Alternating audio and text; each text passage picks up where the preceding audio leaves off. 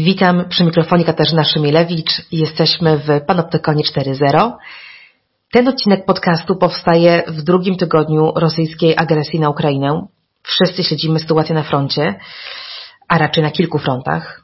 O tym za chwilę, jakie to są fronty. No i niestety ta sytuacja przypomina nam najgorsze, najciemniejsze karty z historii XX wieku. Rosja na oczach świata popełnia zbrodnie wojenne, a zachowanie samego Putina z dnia na dzień wydają się coraz bardziej szalone i nie jest to dobra informacja.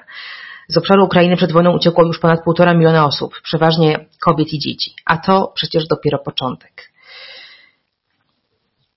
Nic dziwnego, że w mediach informacyjnych i społecznościowych wojna jest na każdym kroku. Z nią zaczynamy i kończymy dzień. I zmrożeni tymi doniesieniami, nerwowo skrolujący strumień aktualności, niekoniecznie jesteśmy bardziej poinformowani. Wiemy też już, bo sporo o tym mówi się w polskich mediach, że w tej wojnie dezinformacja jest jednym z oręży, a internet i media informacyjne stały się jednym z gorętszych frontów.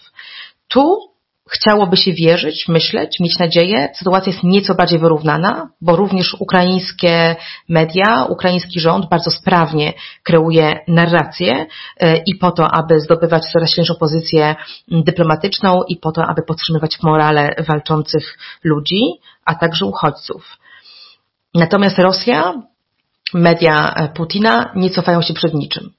To nie jest oczywiście nowa sytuacja, bo o problemie z rosyjską dezinformacją mówi się od lat, ale od dwóch tygodni można mieć poczucie, że jesteśmy o wiele bardziej podatnym celem dla tego typu operacji tym podatniejszym, im bardziej się boimy, im mniej rozumiemy sytuację. A przecież wielu z nas nie ma pojęcia o regułach prowadzenia wojny, a więc kiedy widzimy kolejne doniesienia o tym, że jakiś pojazd bojowy gdzieś został wysłany, gdzieś skręcił, gdzieś doleciał, ktoś coś planuje w sztabie, nie umiemy do tego się odnieść, nie mamy kontekstu. No właśnie, a jest to świadoma, zwykle bardzo dobrze przygotowana gra na emocjach, obliczona po stronie rosyjskiej na pocesanie naszego strachu, szerzenie chaosu informacyjnego, ale także osłabianie pozycji międzynarodowej i Ukrainy, i Polski, a wzmacnianie Rosji. Już w pierwszych dniach wojny bardzo szeroko rozniósł się fake news, jak się później okazało, o skażeniu radioaktywnym i o tym, jaki był cel, rzekomy cel zajęcia elektrowni w Czarnobylu. Sama wtedy spotkałam znajomego z Ukrainy, który miał no, blady strach w oczach i był przekonany, że jego kraj właśnie obejmuje fala skażenia radioaktywnego i przyznam, że nie umiałam się do tego odnieść. Również uległam poczuciu, że skoro on to wie, skoro on skądś to wie, to być może tak się dzieje i być może sama powinnam sprawdzić, jakie są pomiary w Polsce. No, szybko okazało się to fake newsem. W tej sytuacji dzisiaj rozmawiam z dziennikarzem, komentatorem, autorem bloga Dział Zagraniczny Maciejem Okraszewskim. Dzień dobry, bardzo miło. Panoptykon 4.0 Podcast TOK FM.pl i Fundacji Panoptykon. Poprosiłam Cię o rozmowę, bo masz ogromne doświadczenie pracy w mediach, tworzysz własny kanał informacyjny i już po trzech dni, chyba w ciągu pierwszych trzech dni tego konfliktu opublikowałeś e, na blogu e, rady dla ludzi, e, jak odnaleźć się w sytuacji właśnie bycia zalanymi informacjami, niekoniecznie nawet nieprawdziwymi, ale po prostu sensacyjnymi, emocjonującymi, takimi, które wykręcają nam mózg i wysilają stany emocjonalne. Jak w tym nawigować? Tego będzie dotyczyła nasza dzisiejsza rozmowa, ale chciałabym, żeby bohaterem tej rozmowy był przede wszystkim media tradycyjne. Mhm. E, żebyśmy rozmawiali o tym, jaka jest rola tych redakcji, jak one mogłyby nam pomóc, powinny pomóc, a może już pomagają w tej trudnej nawigacji. Jak wygląda ten mm, front wojny informacyjnej z swojej perspektywy? Co ty zaobserwowałeś w pierwszych tygodniach wojny?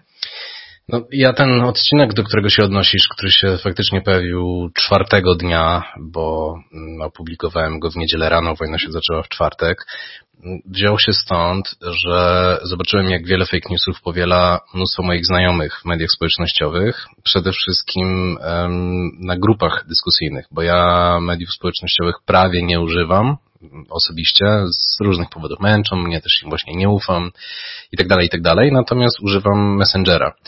I na grupie, na której jestem najaktywniejszy wśród kolegów, którzy mają różny background zawodowy, ale wszyscy są wykształceni, niektórzy zresztą bardzo dobrze wykształceni, są też wykładowcami na uczelniach, są bardzo cenieni w swoich dziedzinach tam po prostu przez pierwsze trzy dni był fake news za fake newsem. I akurat nie prorosyjski, tylko proukraiński, bo tak jak już wspominałeś wcześniej, wojna informacyjna jest tutaj myślę, że wygrywana przez Ukrainę, ale ona również opiera się na wielu fake newsach, które są pro, proukraińskie, wzbudzają naszą sympatię i super, ale przyczyniają się do takiej ogólnej dezinformacji.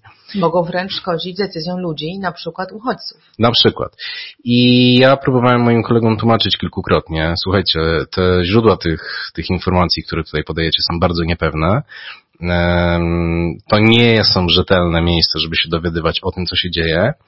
I kilkukrotnie po takich moich upomnieniach oni i tak podawali w dalszym ciągu różne fake newsy. A skąd ty wiedziałeś, że to są fake newsy?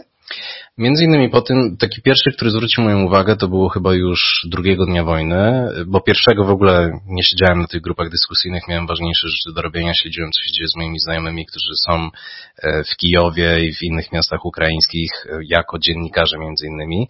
Chciałem zobaczyć, czy wszystko z nimi ok i tak dalej. I na tym się skupiałem też, na zbieraniu informacji. Dopiero drugiego dnia sięgnąłem do tych grup dyskusyjnych. I tam tego drugiego dnia pojawiła się taka informacja, że w momencie, w którym oczy całego świata są zwrócone na Ukrainę, to Chiny y, zaczynają atakować Tajwan. I to mi zapaliło od razu jakąś lampkę. Stwierdziłem, pierwszy o tym słyszę, a jestem, ja dzień zaczynam od wiadomości. Ja mam specjalny też system, w jaki wiadomości pochłaniam jako zawodowy dziennikarz i nigdzie mi się coś takiego nie pokazało, a to by była pierwsza rzecz, która by mi wybijała. W związku z czym spędziłem 45 minut na szukaniu gdziekolwiek, jakichkolwiek informacji na ten temat i okazało się, że oczywiście chodzi o to, że Chiny naruszyły przestrzeń powietrzną Tajwanu, ale robią tak od bardzo, bardzo dawna. To nie jest żadna nowa wiadomość. Natomiast została w taki sposób sensacyjny podkręcona, żeby wzbudzić panikę i strach, bo o to chodzi w wojnie dezinformacyjnej. Bardzo podobna informacja trafiła do polskich mediów kilka dni później a propos ruchów rosyjskich samolotów, które nie mhm. raz, nie dwa naruszały przestrzeń, tak. przestrzeń powietrzną nad Szwecją e, i nagle okazało się to newsem i przyczynkiem do dokładnie podobnej sugestii. Tak, i zacząłem też szukać w związku z tym źródeł e, tych różnych e, informacji, które moi koledzy podawali i taką, która się spotkała z najcieplejszym oddźwiękiem, jeżeli można tak powiedzieć, to było to, że Pornhub, czyli znany serwis pornograficzny, zamknął dostęp dla użytkowników z Rosji. To super brzmi, że pokazuje im się flaga ukraińska. Okazało się to być fake newsem, który w dodatku można bardzo łatwo wyśledzić do oryginalnego źródła. Nie będę tu podawał nazw tych serwisów, pseudoserwisów, bo inaczej się nie da ich nazwać. To jest na przykład pseudoserwis, który działa tylko w mediach społecznościowych, głównie na Twitterze, gdzie jest obserwowany przez 120 tysięcy osób. Nieźle. Można podejrzewać, kto za nim stoi z grubsza. To nie jest um, prawdopodobnie to nie jest rosyjska działalność, tylko właśnie z drugiej strony. Natomiast y, wielokrotnie był ten serwis już przyłapywany na szerzeniu fake newsów. Pomiędzy prawdziwymi wiadomościami, które podaje, podaje także dezinformację. I więc nie jest to pierwszy raz kiedy zostaje na czymś takim przyłapany i to samo dzieje się też z innymi różnymi takimi pseudo źródłami informacji, skąd ludzie teraz je czerpią.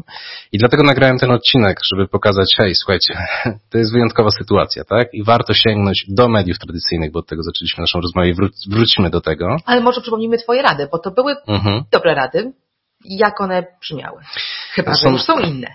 Nie, nie, w dalszym, ciągu, w dalszym ciągu są takie same. Po pierwsze, żeby y, po wiadomości sięgać do dużych, sprawdzonych, tradycyjnych mediów, prestiżowych też, tak? Czyli nie na przykład do tabloidów, tylko do tych mediów, które są uznawane za media prestiżowe. Dlaczego? Dlatego, że one mają pieniądze na działy zagraniczne, ponieważ w takiej sytuacji jak teraz, czyli że bardzo się dynamicznie zmieniają sytuacje na froncie, jest mnóstwo różnych wydarzeń, doniesień z pola, na przykład właśnie z e, mediów społecznościowych i tak dalej, te redakcje mają najbardziej doświadczone osoby, które mogą to weryfikować, znają miejscowy język, są też, mają pieniądze te redakcje na to, żeby wysłać na przykład ludzi na miejsce i tak dalej. Zaraz do tego dojdziemy, jak to wygląda w praktyce, bo to wcale nie jest takie różowe, ale chodzi o to, że jeżeli tam się pojawią fake newsy, to to są wpadki. A niezamierzona działalność tych mediów, bo one nie mogą sobie pozwolić na to, żeby świadomie produkować fake newsy. Wbrew temu, jak wiele osób dziś myśli, ponieważ niestety media mają bardzo negatywny odbiór społeczny i wiele osób uważa, że media kłamią i tak dalej, i tak dalej. To się zdarza, ale to nie ma takiej natury, jak wiele osób sobie wyobraża, że to jest spisek medialny, że wszyscy są w zmowie i tak dalej. To, wygląda zupełnie inaczej. Te, te jakby linie polityczne, medialne to jest ogromny temat, ale nie ma tam po prostu fabryk fake newsów. Więc to jest po pierwsze. Po drugie... A może być komentarz ekspercki do obserwacji z terenu. Na przykład.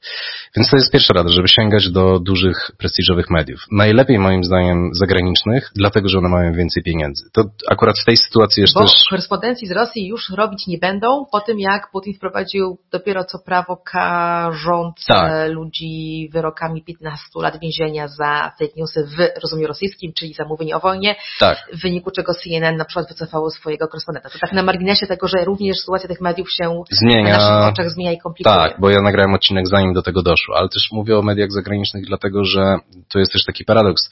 My mamy jako polskie media, mówię my, no bo jestem dziennikarzem i w tych mediach przez wiele lat pracowałem, więc czuję się ich częścią, więc my mamy ludzi, którzy znają lepiej sytuację w terenie, mówią po ukraińsku i po rosyjsku, od wielu lat jeżdżą właśnie do Ukrainy i stamtąd relacjonują, natomiast media zagraniczne mają po prostu znacznie więcej pieniędzy i mogą sobie pozwolić na lepszych fixerów, na, e, na lepsze dotarcie i tak dalej. Jak porównuję sytuację niektórych moich kolegów, którzy tam pracują, to mimo tego, że ich wiedza ekspercka jest dużo, dużo lepsza niż w mediach zachodnich, to nie, na niektóre rzeczy po prostu nie mogą sobie pozwolić finansowo. Dlatego polecam sięganie do mediów zagranicznych bardziej niż do polskich, bo mają większe możliwości operacyjne, akurat jeżeli chodzi o dezinformację. Nie, nie jeżeli chodzi o pojmowanie tego, co się na miejscu dzieje, bo zawsze Polak Polakowi lepiej wytłumaczy sytuację w Ukrainie ze względu na to, że wie, jakie rzeczy można pominąć w takiej opowieści, a jakie dodać.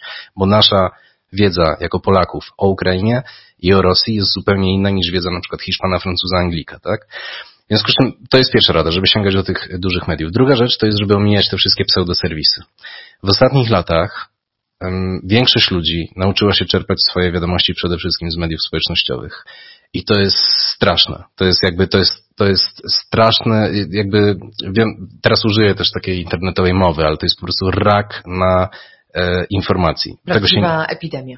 tak, nie da się tego inaczej nazwać. Ja wiem, z czego to się bierze. To jest jakby y, wiele różnych czynników, które do tego doprowadziły, czyli właśnie spadek zaufania do tych mediów tradycyjnych, ze względu też na spadek ich poziomu, na wzrost polaryzacji, na to, że tak. też e, żerują na naszych emocjach. Tak, tak, A tak. Chcą jeszcze reklamy nam pokazywać na Tak, ja się z tym wszystkim zgadzam. Ja mam dokładnie te same uwagi jako nie tylko współtwórca tych mediów i zresztą jak wielu innych dziennikarzy, którzy w nich pracują i też y, czują ten problem, natomiast też jako ich odbiorca. I więc rozumiem to. Druga rzecz też to, że teraz żyjemy ze smartfonem i tam po prostu najłatwiej jest przeglądając media społecznościowe pochłaniać te wiadomości. Natomiast zmierzam do tego, że doszło do takiej paradoksalnej sytuacji, że wiele osób bardziej ufa jakiemuś fanpage'owi na Facebooku niż na przykład powiedzmy gazecie wyborczej. Dlatego, że uważa, że o ten fanpage jest niezależny. No tak, tylko że jeżeli jest niezależny, to znaczy kto go tworzy, skąd ten ktoś ma pieniądze na to, żeby tworzyć, bo jeżeli nie tworzy go na 24 godziny na dobę, nie zawodowo go nie tworzy, to znaczy, że robi to amatorsko, w związku z czym nie jest dobrym źródłem informacji, bo nie może weryfikować, a jeżeli tworzy go jednak zawodowo, to skąd ma pieniądze, skąd jest rzekomo niezależny. To wcale nie jest zero-jedynkowe. I te wszystkie pseudoserwisy, które mają właśnie w nazwie świat, geopolityka, dyplomacja, jeszcze mógłbym wymieniać, jest- jest ich naprawdę dużo, niektórych nawet nie wiem, em, nie są dobrymi źródłami informacji, dlatego że A, poszerzają fake newsy bardzo często, bo ludzie, którzy je robią, nie mają też kompetencji do weryfikacji takiej wiadomości. B, część z nich to jest ewidentnie jakaś wydmuszka i to jest w ogóle też osobny... celem jest propaganda. Tak. Natomiast są też takie, które nie twierdzę, że są robione ze złej woli. Ludzie, którzy je prowadzą, to są jacyś pasjonaci polityki międzynarodowej i tak dalej. Ale nie w tej sytuacji, nie w sytuacji wojny, kiedy wszystko się bardzo zmienia i kiedy wiemy, że rosyjska dezinformacja jest na ogromną skalę i jest bardzo profesjonalna. I te wszystkie serwisy pchają takie rzeczy od lat. A pchają, bo też podlegają mechanizmom rynkowym. Potrzebują Tak. być klikany, zapewne jednak jakiś, jakiś zysk z reklamy wchodzi tam w grę albo z wyświetleń na YouTubie czy innym serwisie i zasięgi robi się na rzeczach, które budzą emocje. To dotyczy tak, tak, tak samo gazety o dużym zasięgu, profesjonalnie robionej, jak i takiego serwisu. On myślę, że tutaj nie, nie ma za bardzo szansy ucieczki mhm. z tej samej spirali, prawda? A dodatkowo pamiętajmy, że Mark Zuckerberg jakiś czas temu zmienił zasadę działania algorytmu na Facebooku, mhm. nie on jeden, po to właśnie, aby podbijały się wyżej źródła, które wyglądają na zaprzyjaźnione, tak jak mówisz, niezależne, no takie tam po prostu znajomi znajomych, prawda? Tak, ktoś tam tak. komentuje, ktoś tam pisze, że to wychodzi nam wyżej w strumieniu aktualności niż BBC, CNN czy Gazeta Wyborcza, tak FM, cokolwiek tam mamy na agendzie. E, taka była decyzja portalu po to, aby rzekomo tworzyć silniejsze więzi społeczne i nas bardziej angażować, a tak mhm. naprawdę pokazało to na przykładzie ostatnich paru lat, że mocno wybiła się na tym dezinformacja. O, zdecydowanie. Tu jakby Facebook jest głównym winowajcą i o tym też wiemy, sięgamy po te przykłady, które są najbardziej znane w naszej sferze, powiedzmy, kulturowej, bo myślę też o Stanach Zjednoczonych i to, jak Facebook się przyczynił do właśnie szerzenia fake newsów podczas wyborów w Stanach Zjednoczonych, podczas referendum Brexitu i tak dalej, ale jest wiele innych przypadków, dużo bardziej rażących, o których opinia publiczna w Polsce nie wie, ponieważ dotyczą stref świata, o których u nas się właśnie nie mówi za często. I Facebook na przykład y, jest narzędziem, który się po prostu prostu przyczynił do ludobójstwa w Mianmie e, ludu Rohingya. I jeszcze można też podawać wiele innych przykładów. Generalnie Facebook jest straszną maszyną, jeżeli chodzi o informacje i jest współwinny strasznym rzeczom. I to nie jest tak, że przez zaniedbania. Bardzo często przez wybór zysku nad po prostu e, zwykłą ludzką przyzwoitością. Tego się nie da inaczej nazwać. Mark Zuckerberg jest absolutnie współwinny, może mnie za to pozwać. Ja bardzo chętnie bym z Markiem Zuckerbergiem porozmawiał o tym podczas jakiegoś procesu. No nie, nie, nie, nie ty jeden e, w tym podcaście ten temat wracał wielokrotnie, choćby za sprawą doniesień Frances Hogan, jej dokument, do, dokument, które ona ujawniła i tak, tak, tutaj myślę, że yy, dzięki za to podsumowanie. Dzisiaj nie będziemy się pastwić nad tym portalem i nad jego algorytmami, ale cieszę się, że to wybrzmiało. Algorytmy są współwinne e, tej pandemii dezinformacji, z jaką mamy do czynienia od lat, a teraz widzimy być może jej najbardziej krwawe, najtragiczniejsze owoce mhm. za, za, za rogiem. Co jeszcze? No, trzecią radą było to, jak konsumować media, bo ludzie też nie za bardzo dbają o higienę medialną i to też jest wina między innymi mediów społecznościowych, tego, że mamy teraz te wiadomości na wyciągnięcie ręki, że obsesyjnie sprawdzamy cały czas smartfon. To wystarczy zobaczyć, jak jesteśmy w metrze i każdy w tym smartfonie non-stop siedzi.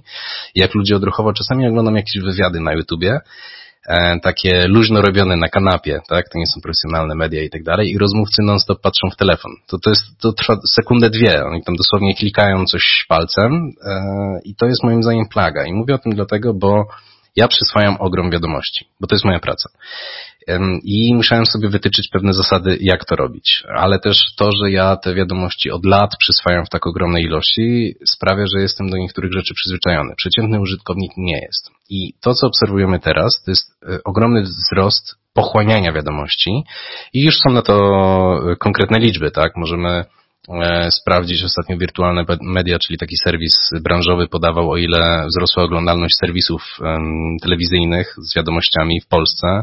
E, już tam nie pamiętam, ale, ale o, serwisy informacyjne chyba internetowe podawali, że o 30% poszedł ruch w górę internetowy. Jeżeli na moją działkę popatrzymy na przykład na podcasty, to w chwili, w której się nagrywamy, to w pierwszej dziesiątce na liście Spotify, które jest absolutnym tutaj no, monopolistą to może za dużo powiedziane, ale jest Spotify długo, długo nic, jeżeli chodzi o słuchanie podcastów w tym kraju, no to w pierwszej dziesiątce mamy tylko jeden podcast rozrywkowy, cała reszta to informacyjne. Co, co było nie do pomyślenia jeszcze przed tym, jak Rosja najechała Ukrainę. Tam wtedy był tak, że był tylko Darek Rosiak i czasami ja dobijałem. I tak nie było niczego informacyjnego. I um, to pokazuje, że ludzie nagle rzucili się na wiadomości. I z tym jest problem. Dlatego moja rada dotyczyła tego, jak z tymi wiadomościami sobie radzić. Ponieważ jest też dużo badań, ja w tym podcaście odwołuję się konkretnie do dwóch, ale jest ich znacznie więcej. Chodzi o to, że po pierwsze w sytuacji jakiegoś kryzysu ludzie nagle zaczynają dużo bardziej konsumować wiadomości. To jest udowodnione właśnie w badaniach na całym świecie. Ja się tam odwołuję akurat do australijskich, ale jest, jest ich więcej. I równocześnie inne badania wskazują na to, że kiedy ludzie konsumują dużo wiadomości o zabarwieniu negatywnym, a wojna, COVID, katastrofa klimatyczna i tak dalej, to wszystko są negatywne informacje, więc lgniemy do nich, konsumujemy je. Nie od wczoraj, to już jest długi trend. Tak. I one się przyczyniają do złego samopoczucia. W skrajnym przypadku do wytworzenia się PTSD. E, natomiast e, po prostu osłabiają mm, samopoczucie takich osób, mogą doprowadzić właśnie do depresji i tak dalej, i tak dalej. W związku z czym moja rada jest taka, żeby po pierwsze ograniczyć sobie ilość tych wiadomości, czyli najlepiej sprawdzić rano i wieczorem, co się wydarzyło, bo to będzie takie podsumowanie, co się stało w nocy i wieczorem, co się stało w ciągu dnia, tak? I druga rzecz, żeby nie pochłaniać tych informacji, ponieważ te pseudoserwisy, jeszcze na sekundę do nich wrócę, one mają taką manierę bombardowania non-stop wiadomościami. Pilne to jest w ogóle pilne i wykrzykniki. Bo one też żyją z efektu tak, zaangażowania, tak, tak, które dokładnie. świetnie znamy z mediów społecznościowych i robią to po to, żebyśmy odświeżali. Tak. I zresztą część mediów tradycyjnych też tak robi. Chodzi mi o to, że czytanie non-stop takich krótkich depesz po dwa, trzy zdania, a czasami jedno po prostu zdanie, że bum, w, nie wiem, w tej elektrowni atomowej na przykład jak zaatakowali i tak dalej, to powoduje, że człowiek niczego nie rozumie tak naprawdę. Takie krótkie, szybkie sygnały przyczyniają się do chaosu, informacyjnego, a nie do pogłębionej wiedzy. I ja z mojego doświadczenia wiem, że zamiast być na bieżąco, co godzina, ktoś do mnie dzwoni, mówi, widziałeś już? Myślę, no nie widziałem, sprawdzę za dwie godziny wiadomości, to się dowiem. Natomiast e, radzę ograniczyć czas przeznaczony na wiadomości do właśnie dwóch momentów w ciągu dnia, a najlepiej jednego, no ale jak się dzieją takie sytuacje jak wojna, no to powiedzmy do dwóch, i zamiast tych krótkich wiadomości czytać jakieś dłuższe analizy podsumowania, albo na przykład posłuchać jakichś podcastów. A co powiesz komuś, kto na takie diktum odpowie, ale ja się boję i chcę wiedzieć, czy to jest czas na ewakuację mojej rodziny. Bo jeżeli Rosjanie zajmują umowny Czarnobyl, który zrobił karierę fake newsową w pierwszych dniach wojny i mają zamiar go użyć jako broni, to ja to chcę wiedzieć pierwsza, pierwszy, żeby ruszyć albo po Podlugola, albo na zachód. No to jeżeli ktoś chce ruszyć pierwszy po Lugole albo na zachód, to i tak pierwszy nie będzie. To trzeba stwierdzić od razu. Ludzie, którzy myślą, że będą pierwsi, nie będą pierwsi. To Albo tak nie, nie działa. spóźnią się na jakiś Tak. klincz, który ich zatrzyma w kraju, w którym nie chcą być dłużej niż to konieczne. Poza tym, jeżeli się zacznie dziać coś naprawdę katastroficznego, bo to traktujemy w takich kategoriach, to oni się o tym dowiedzą. To, to nie da się o tym Dowiedzą nie się, bo dowiedzieć. zobaczą ruch na ulicy, usłyszą Na przykład, tak. syreny, tak? Tak. Wszyscy będą poruszani tym? bo ktoś do nich zadzwoni, bo, bo, bo to jest po prostu zjawisko na skalę katastrofalną. O, na przykład pomyślmy, tak było z atakami 11 września w 2001 roku, kiedy media społecznościowe jeszcze nie istniały, a przynajmniej nie w takiej wersji, jaką ją znamy teraz. I tak wszyscy się o tym dowiedzieli w krótkim czasie. Nawet w Polsce, tak? I pamiętam, jak to wyglądało. Ludzie do siebie dzwonili, nagle były przerwane programy w telewizji i tak dalej. Zjawisko o charakterze katastrofalnym to nie jest coś, co nas ominie. Mhm. Chyba, że mieszkamy gdzieś w Bieszczadach, jesteśmy odcięci od prądu, to wtedy też i tak nie musimy uciekać, bo najprawdopodobniej też nas to nie dotknie, tak? I w związku z czym naprawdę radzę ograniczyć y, to dawkowanie sobie, czy właśnie dawkować sobie te informacje i też to sprawi, że będziemy mogli przewidywać, co się dzieje, troszeczkę z lekkim wyprzedzeniem. Czyli tak, jak będziemy ciągle ładowali w siebie te informacje, pilne, pilne, pilne, pilne, to jesteśmy ciągle poddenerwowani.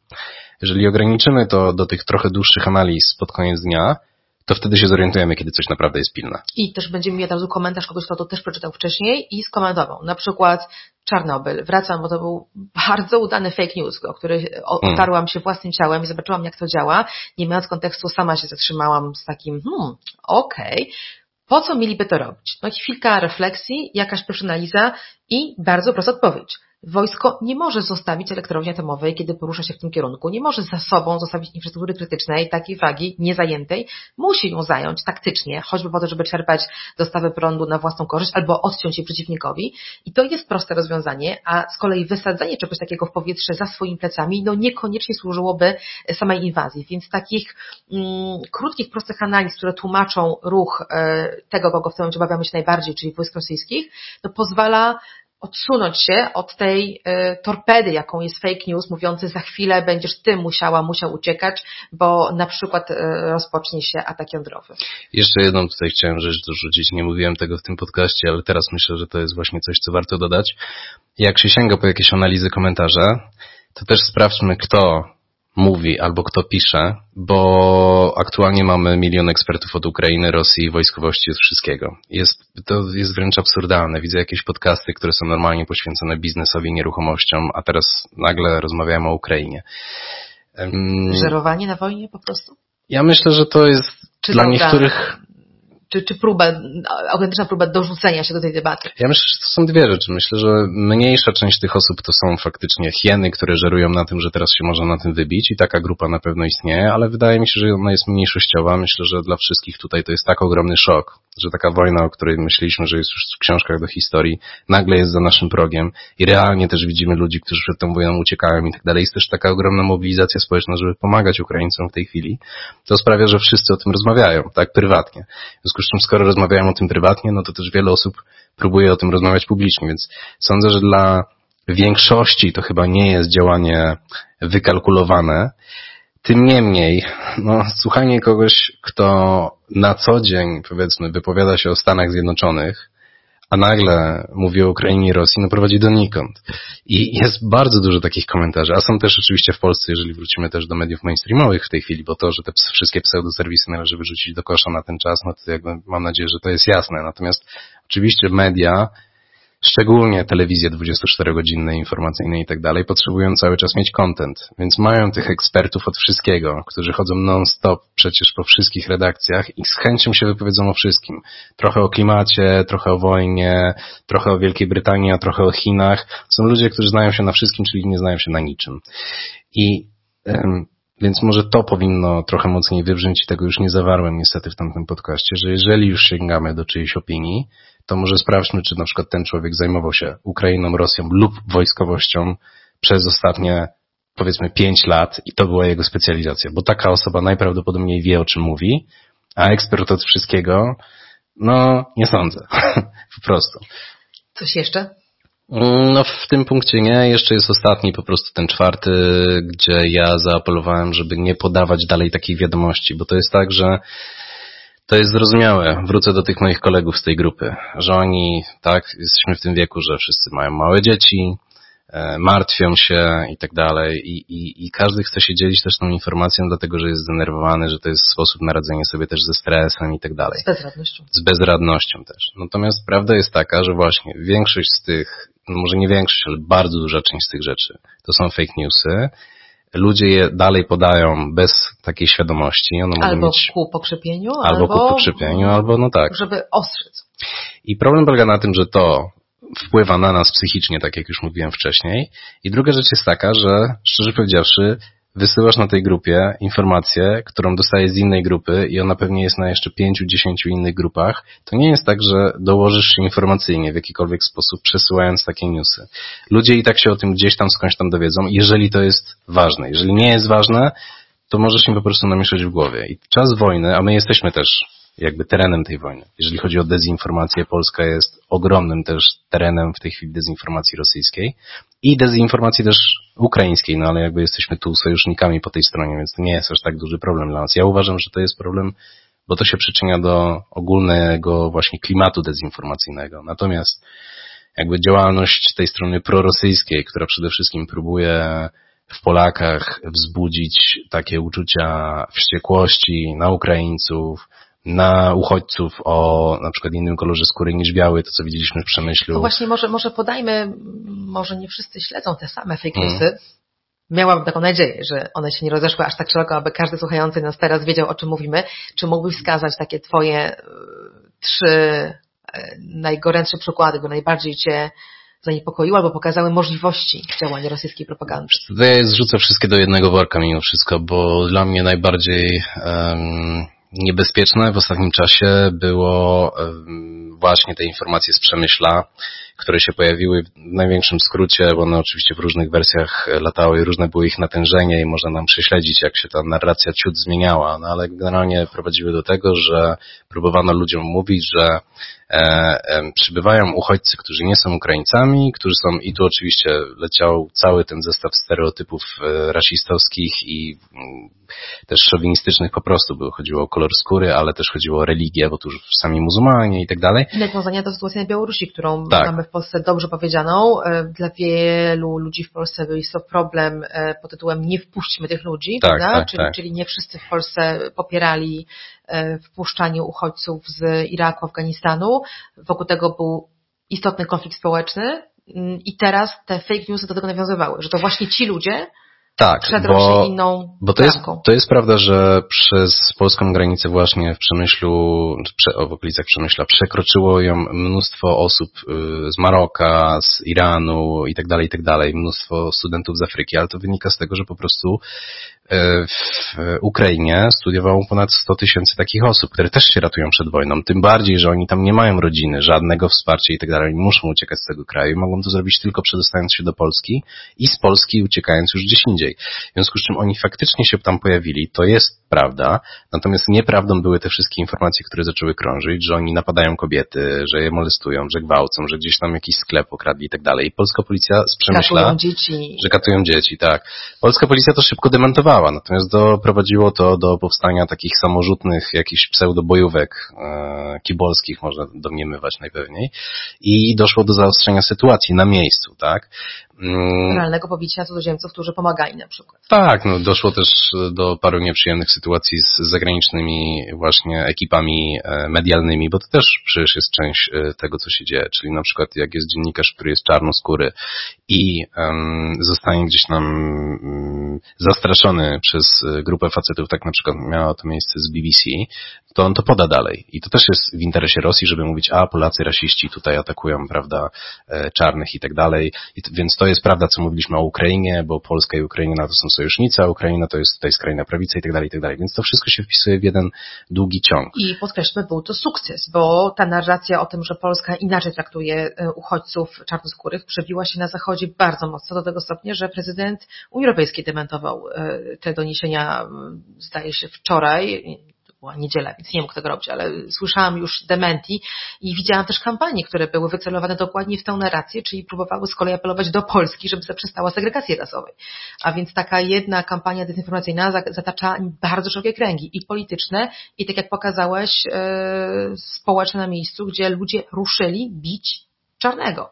Jeszcze jest jedna rzecz, y, do której chciałem się odnieść, bo nie wiem, czy później będziemy mieli y, okazję podczas rozmowy, a myślę, że to jest bardzo warte podkreślenia, a mianowicie, że mnóstwo się pojawia w polskich mediach społecznościowych treści o takim wydźwięku, że no ale Wołyń, Ukraińcy mordowali Polaków na Wołyniu i tak dalej co jest też prawdą, tak? Jakby no, zbrodnia na Wołyniu jest faktem historycznym, natomiast natężenie takich informacji to też jest działalność rosyjska. Nie wszyscy, którzy wypisują te rzeczy, to są rosyjskie trole. No, jest bardzo dużo osób, które piszą po prostu takie rzeczy, ale podburzeni w ramach właśnie też rosyjskiej dezinformacji. I teraz tak, e, czy y, mord na Polakach na Wołyniu to jest fake news? No nie, nie jest. Natomiast używanie tego w tym kontekście i w takim natężeniu, jaki obserwujemy do teraz, ma właśnie doprowadzić do tego, że e, odetniemy naszą pomoc dla Ukrainy.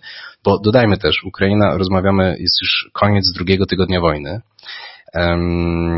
I w zasadzie Ukraina miała już dawno paść według pierwotnych planów rosyjskich, tak przynajmniej wszystko na to wskazuje. Tymczasem w dalszym ciągu się broni, między innymi dzięki wsparciu Zachodu, w tym wydatnym wsparciu Polaków dla Ukraińców. W związku z czym cała ta taka narracja, która jest w tej chwili tworzona właśnie w mediach społecznościowych przez Kreml, ma doprowadzić do tego, żeby to przerwać, żeby, żeby nas e, skłócić i tak dalej, i tak dalej. No właśnie i co, jak wobec tego widzisz Ty rolę mediów głównego nurtu? Bo zaczęliśmy od nich rozmowę. Twoja mhm. pierwsza rada była sięgajcie do mediów prestiżowych. Ja wtedy zasugerowałam, że również ich sytuacja się komplikuje. Tak. Chcielibyśmy wszyscy, żeby one miały dostęp do informacji na miejscu, na przykład korespondencji z Rosji czy Kijowa. Za chwilę myślę, że korespondencja z Kijowa to będzie bohaterstwo i nie wiem, czy tego życzę komukolwiek. Mm, ze znajomych dziennikarzy na pewno nie. Z drugiej strony mamy koszty, o mhm. których powiedzieliśmy już dużo. To, że media tradycyjne żyją w takim uścisku dusiciela, ja to czasami nazywam syndromem sztokholmskim z Facebookami, Googlami tego świata, czyli cały czas pozwalają na to, żeby ruch przechodził do nich tym kanałem, godząc się na to, że to właśnie klikalność, sensacyjność treści, to ile będzie odsłon przełoży się na ich zyski, a więc no chyba najgorsza waluta możliwa dla jakościowego dziennikarstwa e, i to, ta sytuacja jest niezwykle skomplikowana. To nie jest przecież tak, że gazeta prestiżowa lat temu 20 nadal dziś może pozwolić sobie na wysłanie korespondenta tam, gdzie jej się podoba, opłacanie takiej usługi, stąd często e, gazety głównego nurtu Polski korzystają z blogerów, z mhm, zaprzyjaźnionych mhm. jakichś e, osób finansowanych w innym zupełnie trybie niż reklama behawioralna, z której same żyją, e, a więc ten krajobraz jest skomplikowany. I teraz zastanawiam się głośno, czego my tak realnie możemy oczekiwać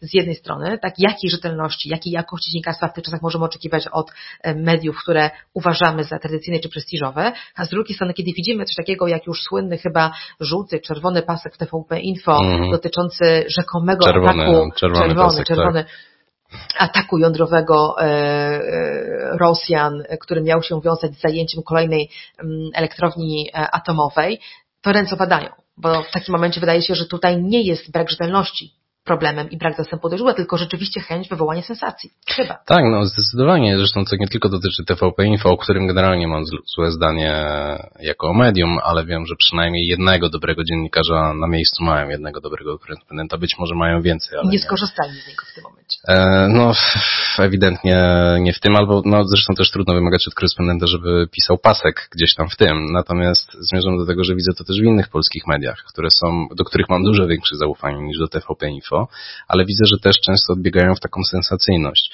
To wynika z tego, o czym powiedziałaś wcześniej, że teraz uwaga też odbiorcy jest trochę inna i te wszystkie tytuły, które są, się pojawiają, które albo są ewidentnymi clickbaitami, albo balansują na granicy clickbaitu, są w tonie sensacyjnym, więc znów przyczyniają się do budzenia niepokoju wśród odbiorców. Skoro wszystko jest sensacyjne, jak się przebić, prawda? I teraz tak, to jest na przykład, no, mogę podać konkretne przykłady, powiedzmy na przykład Onet i Wirtualna Polska. To są dwa najpopularniejsze e, portale internetowe w Polsce. Wirtualna Polska jest chyba przed Onetem jeszcze. One się tam wymieniają, ale wydaje mi się, że ona ma większy zasięg. Musiałbym jeszcze raz sprawdzić. W każdym razie zmierzam do tego, że tam jest bardzo dużo bardzo wartościowych treści, świetne e, teksty i świetne analizy, tylko że ich nie widać.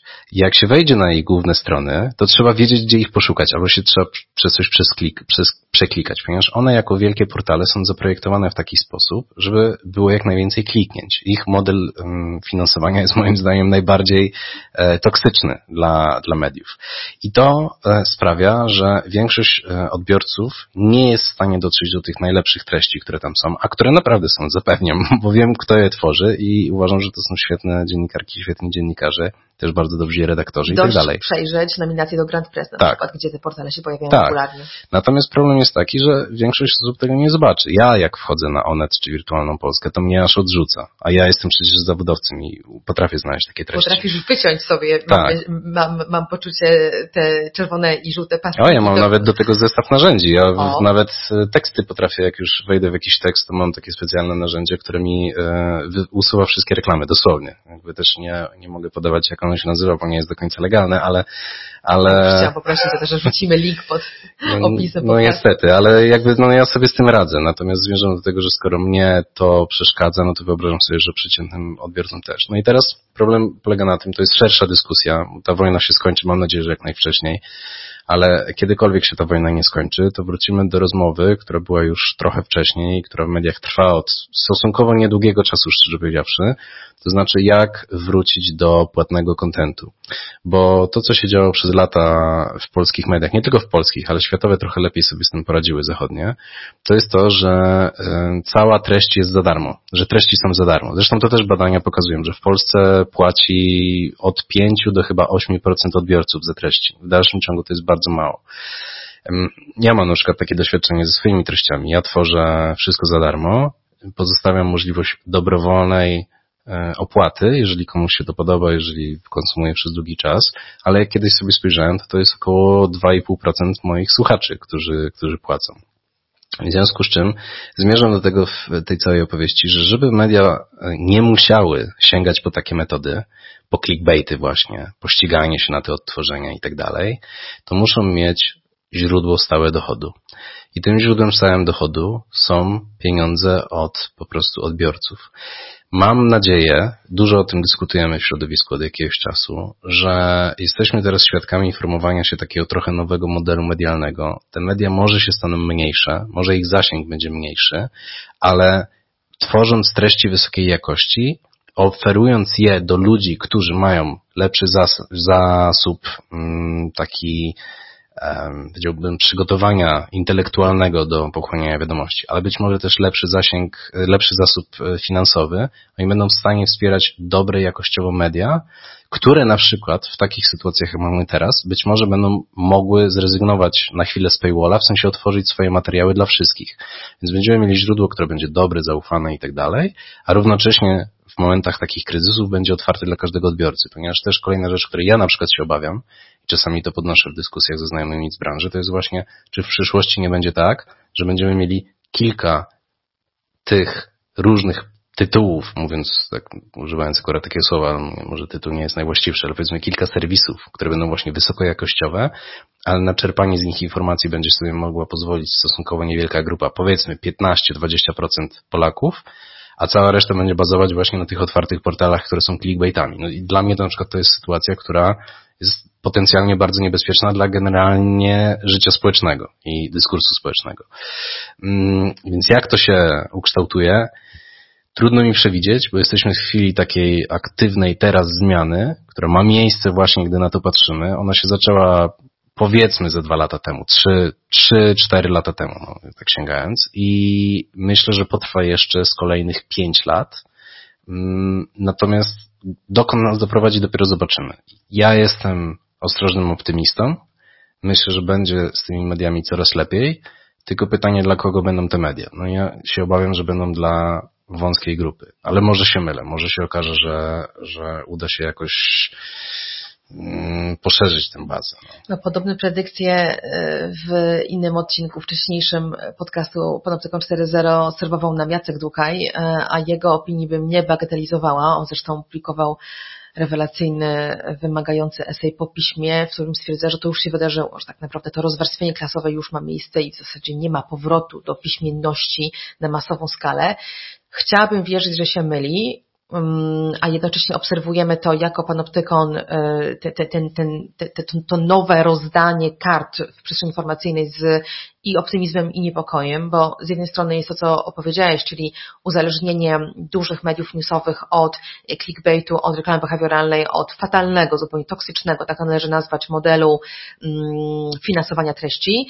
E, z drugiej, e, nawet Google, Apple, potężne firmy technologiczne odchodzą same od formy śledzącej reklamy, idą w reklamę kontekstową, e, która mogłaby współgrać z innym modelem, z takim mm. modelem, w którym nie clickbait rządzi, ale rządzi jakościowa treść, za którą ktoś płaci, a dodatkowo obok artykułu na temat X widzi reklamę z tym tematem powiązaną, ale ona jest spokojniejsza, jest jej mniej, ona nie jest tak inwazyjna, czyli nie musi być to wybór zero-jedynkowy, prawda, w którym jest albo reklama taka jak dzisiaj, wściekła albo nie ma jej w ogóle. Myślę, że może być coś pomiędzy i podobnie z, mm, z jakością, głębokością treści. Oczywiście, że nie każdy żywić się będzie głębokimi analizami. Potrzebujemy czegoś newsowego, potrzebujemy treści szybkich, ale nie takich jak dziś e, na paskach TVP Info e, czy e, serwisów, o których mówiłeś, które nawet znaczy trudno też na paskach, na paskach TVN24, no piłkarze zjedli śniadanie, to jest dla mnie ulubiony pasek wszechczasów. No jakby on dobrze pokazuje, czy są telewizje 24 godziny, bo ty mówisz o, o pasku, który wzbudza realną panikę. Ja mam na myśli jeszcze takie rzeczy, które urastają rzekomo do rangi ważnych, a są po prostu no, śmiechem na sali, tak. A jednocześnie kosztują nas cyfrowy dobro, dobrostan, czyli tak, coś, tak. o czym również tutaj e, rozmawiałam z Kamilem Szliwowskim i do tego będziemy wracać w tych ciężkich czasach, jak zachować trzeźwość umysłu, relatywny spokój i niezależność myślenia od bodźców. To już nawet nie chodzi o to, jakie one są, ale ilość ich jest dana zupełnie do przerobienia. Ja również nie korzystam z mediów w ciągu dnia, rzadko kiedykolwiek cokolwiek scrolluję i bardzo do tego wszystkich zniechęcam. E, to się potwierdza analiza na spokojnie jest warta milion takich szybkich piłek, które tylko nas karmią adrenaliną, bodźcami, ale nie informują, wręcz pogarszają i samopoczucie i stan wiedzy o sytuacji. Więc no, no w tym kierunku um, idą nasze rady. E, ja mogę tylko dorzucić do rad dla dziennikarzy, dla mediów profesjonalnych poradnik Fundacji Panoptykon Stop Dezinformacji sprzed paru lat publikacja, która dziś e, zdobywa swoją, e, no, no, ma nową falę e, odsłon i bardzo dobrze, bo tam właśnie mówimy i jak weryfikować informacje dla dziennikarzy, ale też podbijamy ogromną odpowiedzialność, jaka ciąży na tej profesji i w czasach kryzysu, i w normalnych, ale w tych czasach kryzysu szczególnie. Mamy wiele badań potwierdzających, że ludzie nadal, i to jest dobry znak w mojej ocenie, o wiele wyżej cenią informacje, e, o wiele bardziej ufają informacji pochodzącej z serwisów tradycyjnych, z telewizji szczególnie, e, a więc no, siła rażenia dezinformacji, propagandy tam podawanej dalej jest ogromna i na to myślę nie możemy pozwalać, więc rozumiem, że oboje o to właśnie apelujemy do, mam nadzieję, słuchających nas też profesjonalistów, a do e, zjadaczy internetu bez przygotowania. Twoje cztery rady, e, rozumiem, nadal do znalezienia na blogu Dział zagraniczny? Tak, chociaż bardziej w podcaście, bo, bo tutaj jakby w wersji pisanej one mają po jednym zdaniu, a podcast ma zaledwie 15 minut, więc wysłuchanie go to jest na przykład przygotowanie i zjedzenie jajecznicy albo tofucznicy, jeżeli ktoś jest weganinem i to tam jest dużo lepiej wyjaśnione niż w samym, niż w samej wersji tekstowej. Dziękuję serdecznie, że dzisiaj powtórzyłeś te rady i mogliśmy wspólnie wejść w rozmowę o roli tradycyjnych mediów, odpowiedzialności ich za to, co się dzieje i o naszej roli jako zjadaczy internetu za wybór modelu finansowania tych mediów, bo to, za co my będziemy płacić i jaką my będziemy generować, jaki my popyt będziemy generować jako czytelnicy, to też jest absolutnie nie bez znaczenia. Być może ten kryzys nam jest nam potrzebny, żeby dostrzec własną rolę e, w kreowaniu treści jakościowych lub e, clickbaitowych i pójść w kierunku, który nas no, z tego clickbaitu wyzwoli. Taką wizję na koniec rzucam jako coś, o czym, o czym sama marzę, a temat mediów, algorytmów, portali e, społecznościowych będzie wracał. Tymczasem dziękuję bardzo. Moim gościem był Maciej Okraszewski, a przy mikrofonie żegna się z Wami Katarzyna Szymilewicz. Dziękuję serdecznie. Do usłyszenia. Technologie i człowiek. Człowiek i technologie. Gdzie na tym styku czekają na nas zagrożenia? Jak korzystać z technologii, by na nich skorzystać? Jak kontrolować, kto gromadzi o nas informacje i do czego ich używa? Z ekspertami i praktykami rozmawia Katarzyna Szymielewicz. Panoptykon 4.0 Podcast to KFM.pl i Fundacji Panoptykon.